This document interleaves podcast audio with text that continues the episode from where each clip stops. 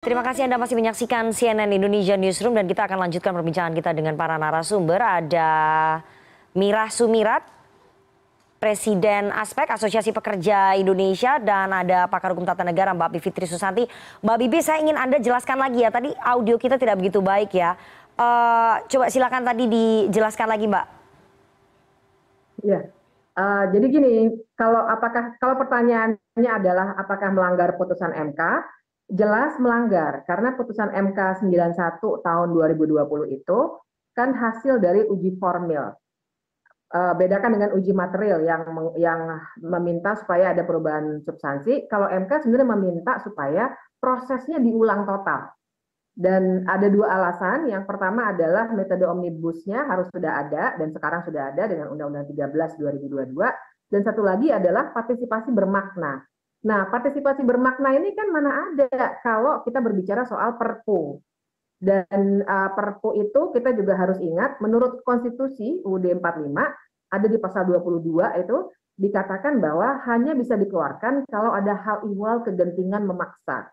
Kenapa? Karena perpu itu pemerintah keluarkan sendiri dan kemudian nanti begitu DPR sidang lagi baru DPR bisa menyatakan setuju atau tidak setuju. Jadi ibaratnya presiden mempetak kompli DPR makanya dibuat batasan-batasan tertentu hal ihwal kegentingan memaksa itu. Okay. Nah kenyataannya kan kita sekarang tidak bisa melihat tuh apa hal ihwal kegentingan memaksa apa yang sekarang tengah terjadi. Mm. Tadi malam juga ada perayaan tahun baru besar-besaran kok, misalnya begitu ya. Oke. Okay. Jadi uh, kalau digunakan me mekanisme yang biasa menunggu DPR bersidang lagi, ini kan DPR cuma reses saja. DPR minggu depan sidang lagi bisa melakukan uh, perubahan proses legislasi yang diinginkan oleh MK.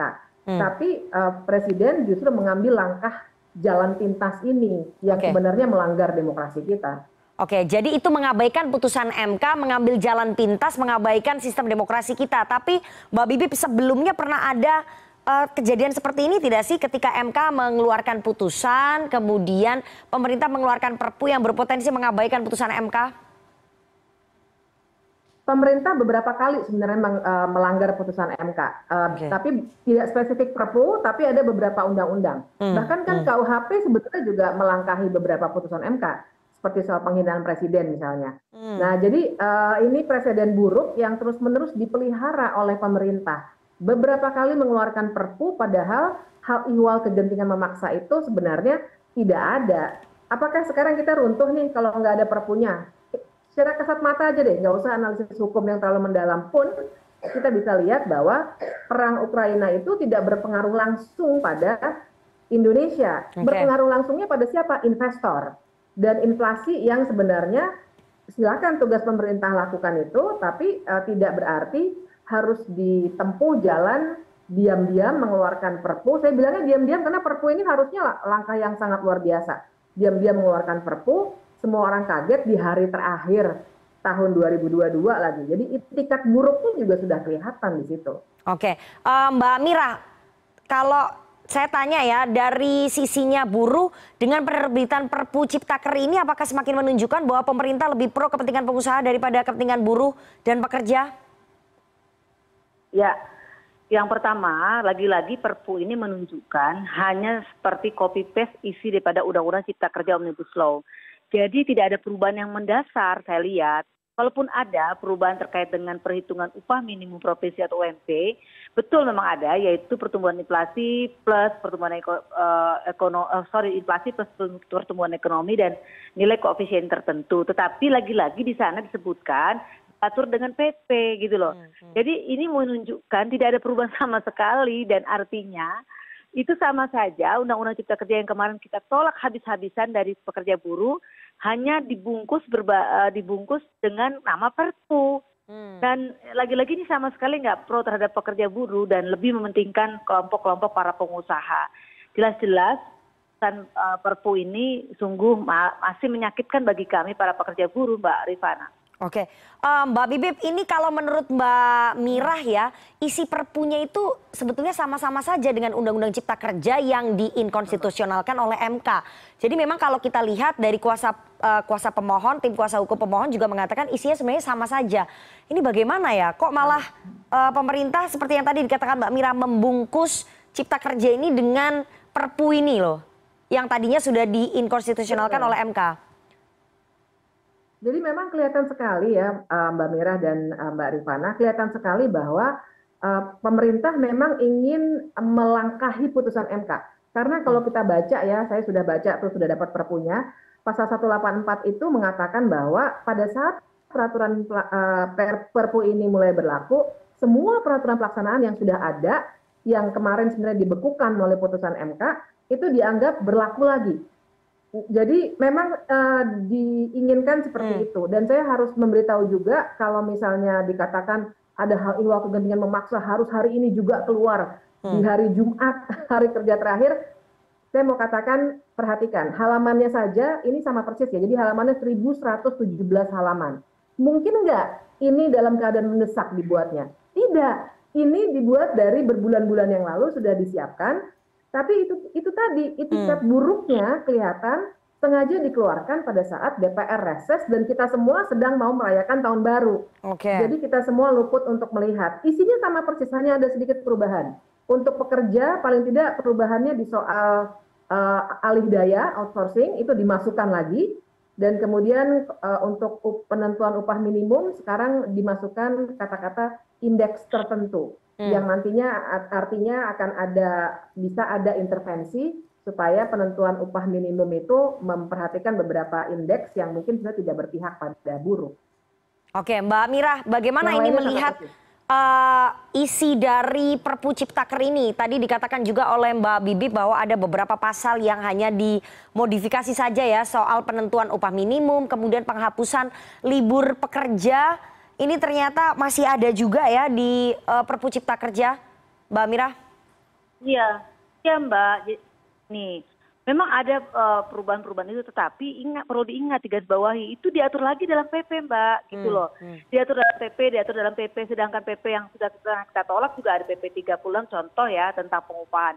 Itu kan kita tolak juga gitu. Artinya uh, apa yang dilakukan pemerintah ini nggak ngerti ya Pak Jokowi sepertinya kurang jeli dan terburu-buru gitu loh. Seharusnya nggak perlu malu juga gitu ya untuk kemudian pemerintah cukup uh, membatalkan kemudian kembali lagi aja kepada undang-undang sebelumnya.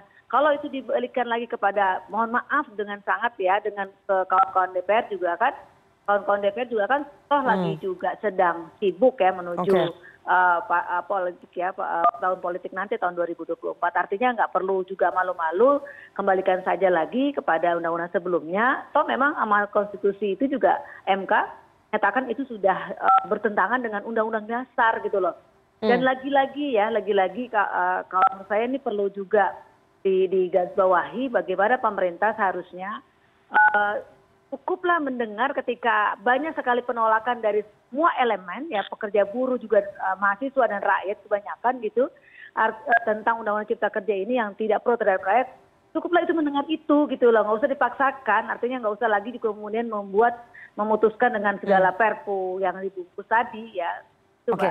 Mbak Mira Anda melihat uh, ini pemerintah ada desakan dari kalangan pengusaha kalangan investor sehingga terburu-buru menerbitkan perpu ciptaker anda melihatnya begitu mbak mira?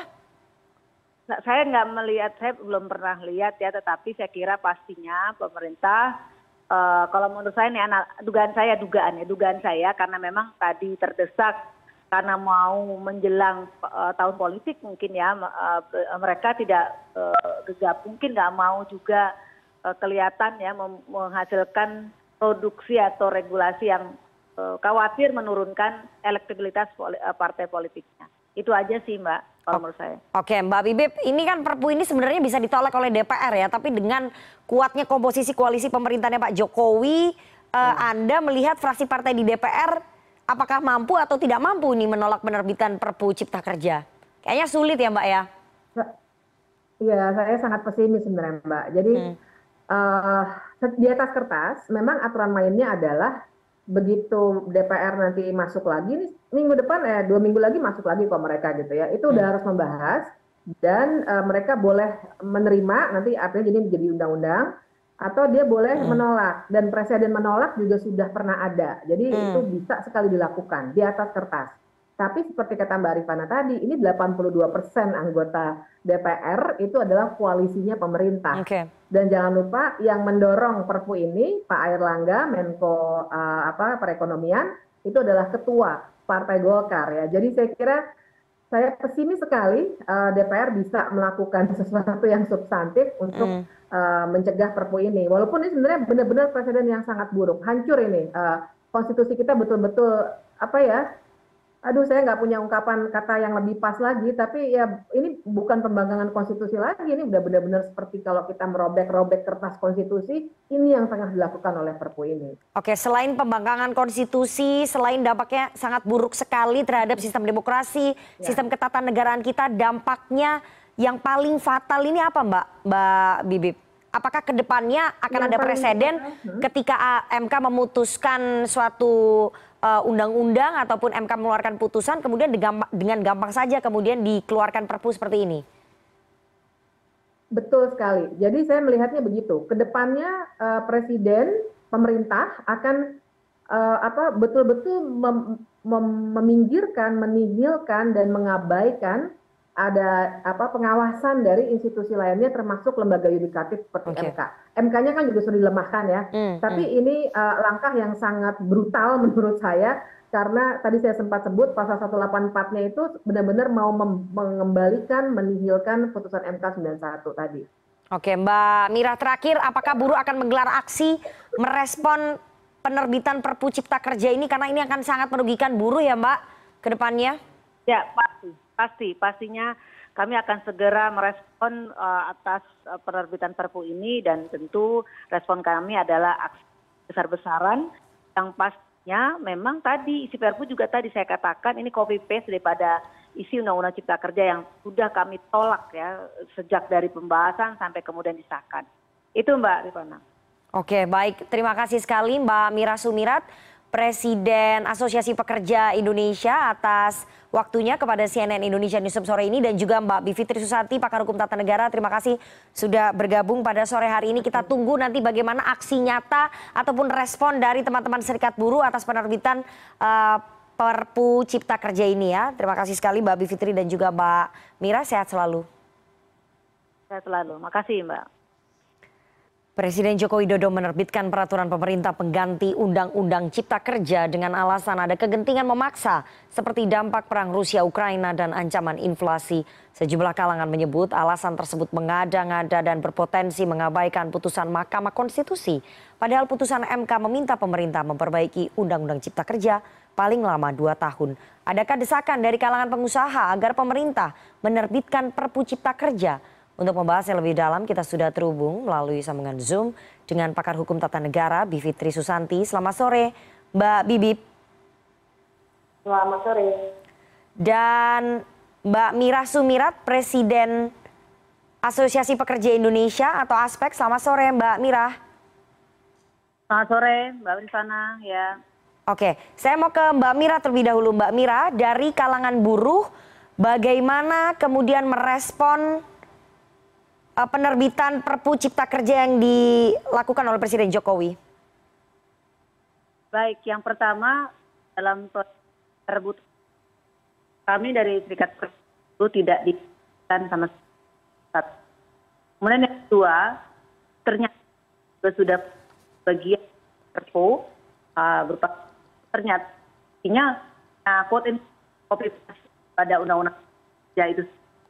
Artinya perubahan yang mendasar atau perubahan yang baik. Padahal kami dari sikat pekerja sikat buruh sudah meminta kepada pemerintah gitu ya untuk memperbaiki isi materi bahwa itu memang sangat-sangat tidak pro terhadap pekerja buruh dan akhirnya ter terjadi tuh isi perpu daripada undang-undang cipta kerja.